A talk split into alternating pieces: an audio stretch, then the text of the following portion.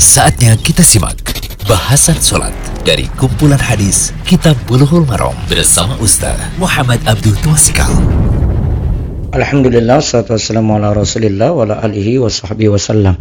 Kali ini kita berada di audio keempat dari pembahasan kitab Bulughul Maram. Kita masuk kitab sholat.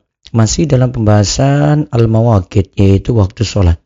Pada waktu sholat kali ini kita lihat dari hadis 157 dari Rafiq bin Khadij ia mengatakan kunna nusallil maghriba ma'an nabi sallallahu alaihi wasallam fayansarifu ahaduna wa innahu la yubsiru mawaqi'a nablihi muttafaqun alaih kami sholat bersama Nabi Shallallahu Alaihi Wasallam kemudian salah seorang di antara kami pulang dan ia dapat memandang sejauh jatuhnya anak panah mutafakun alaih hadis ini riwayat Bukhari dan Muslim.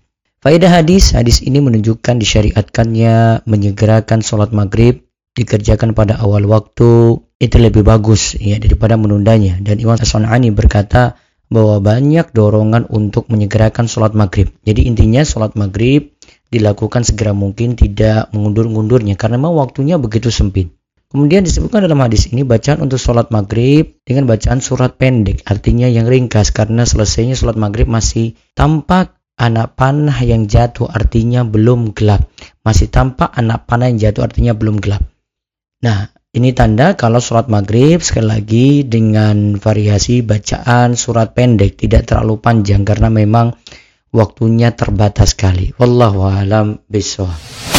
Demikian bahasan sholat dari kumpulan hadis Kitab Bulughul Maram bersama Ustaz Muhammad Abdul Tuasikal.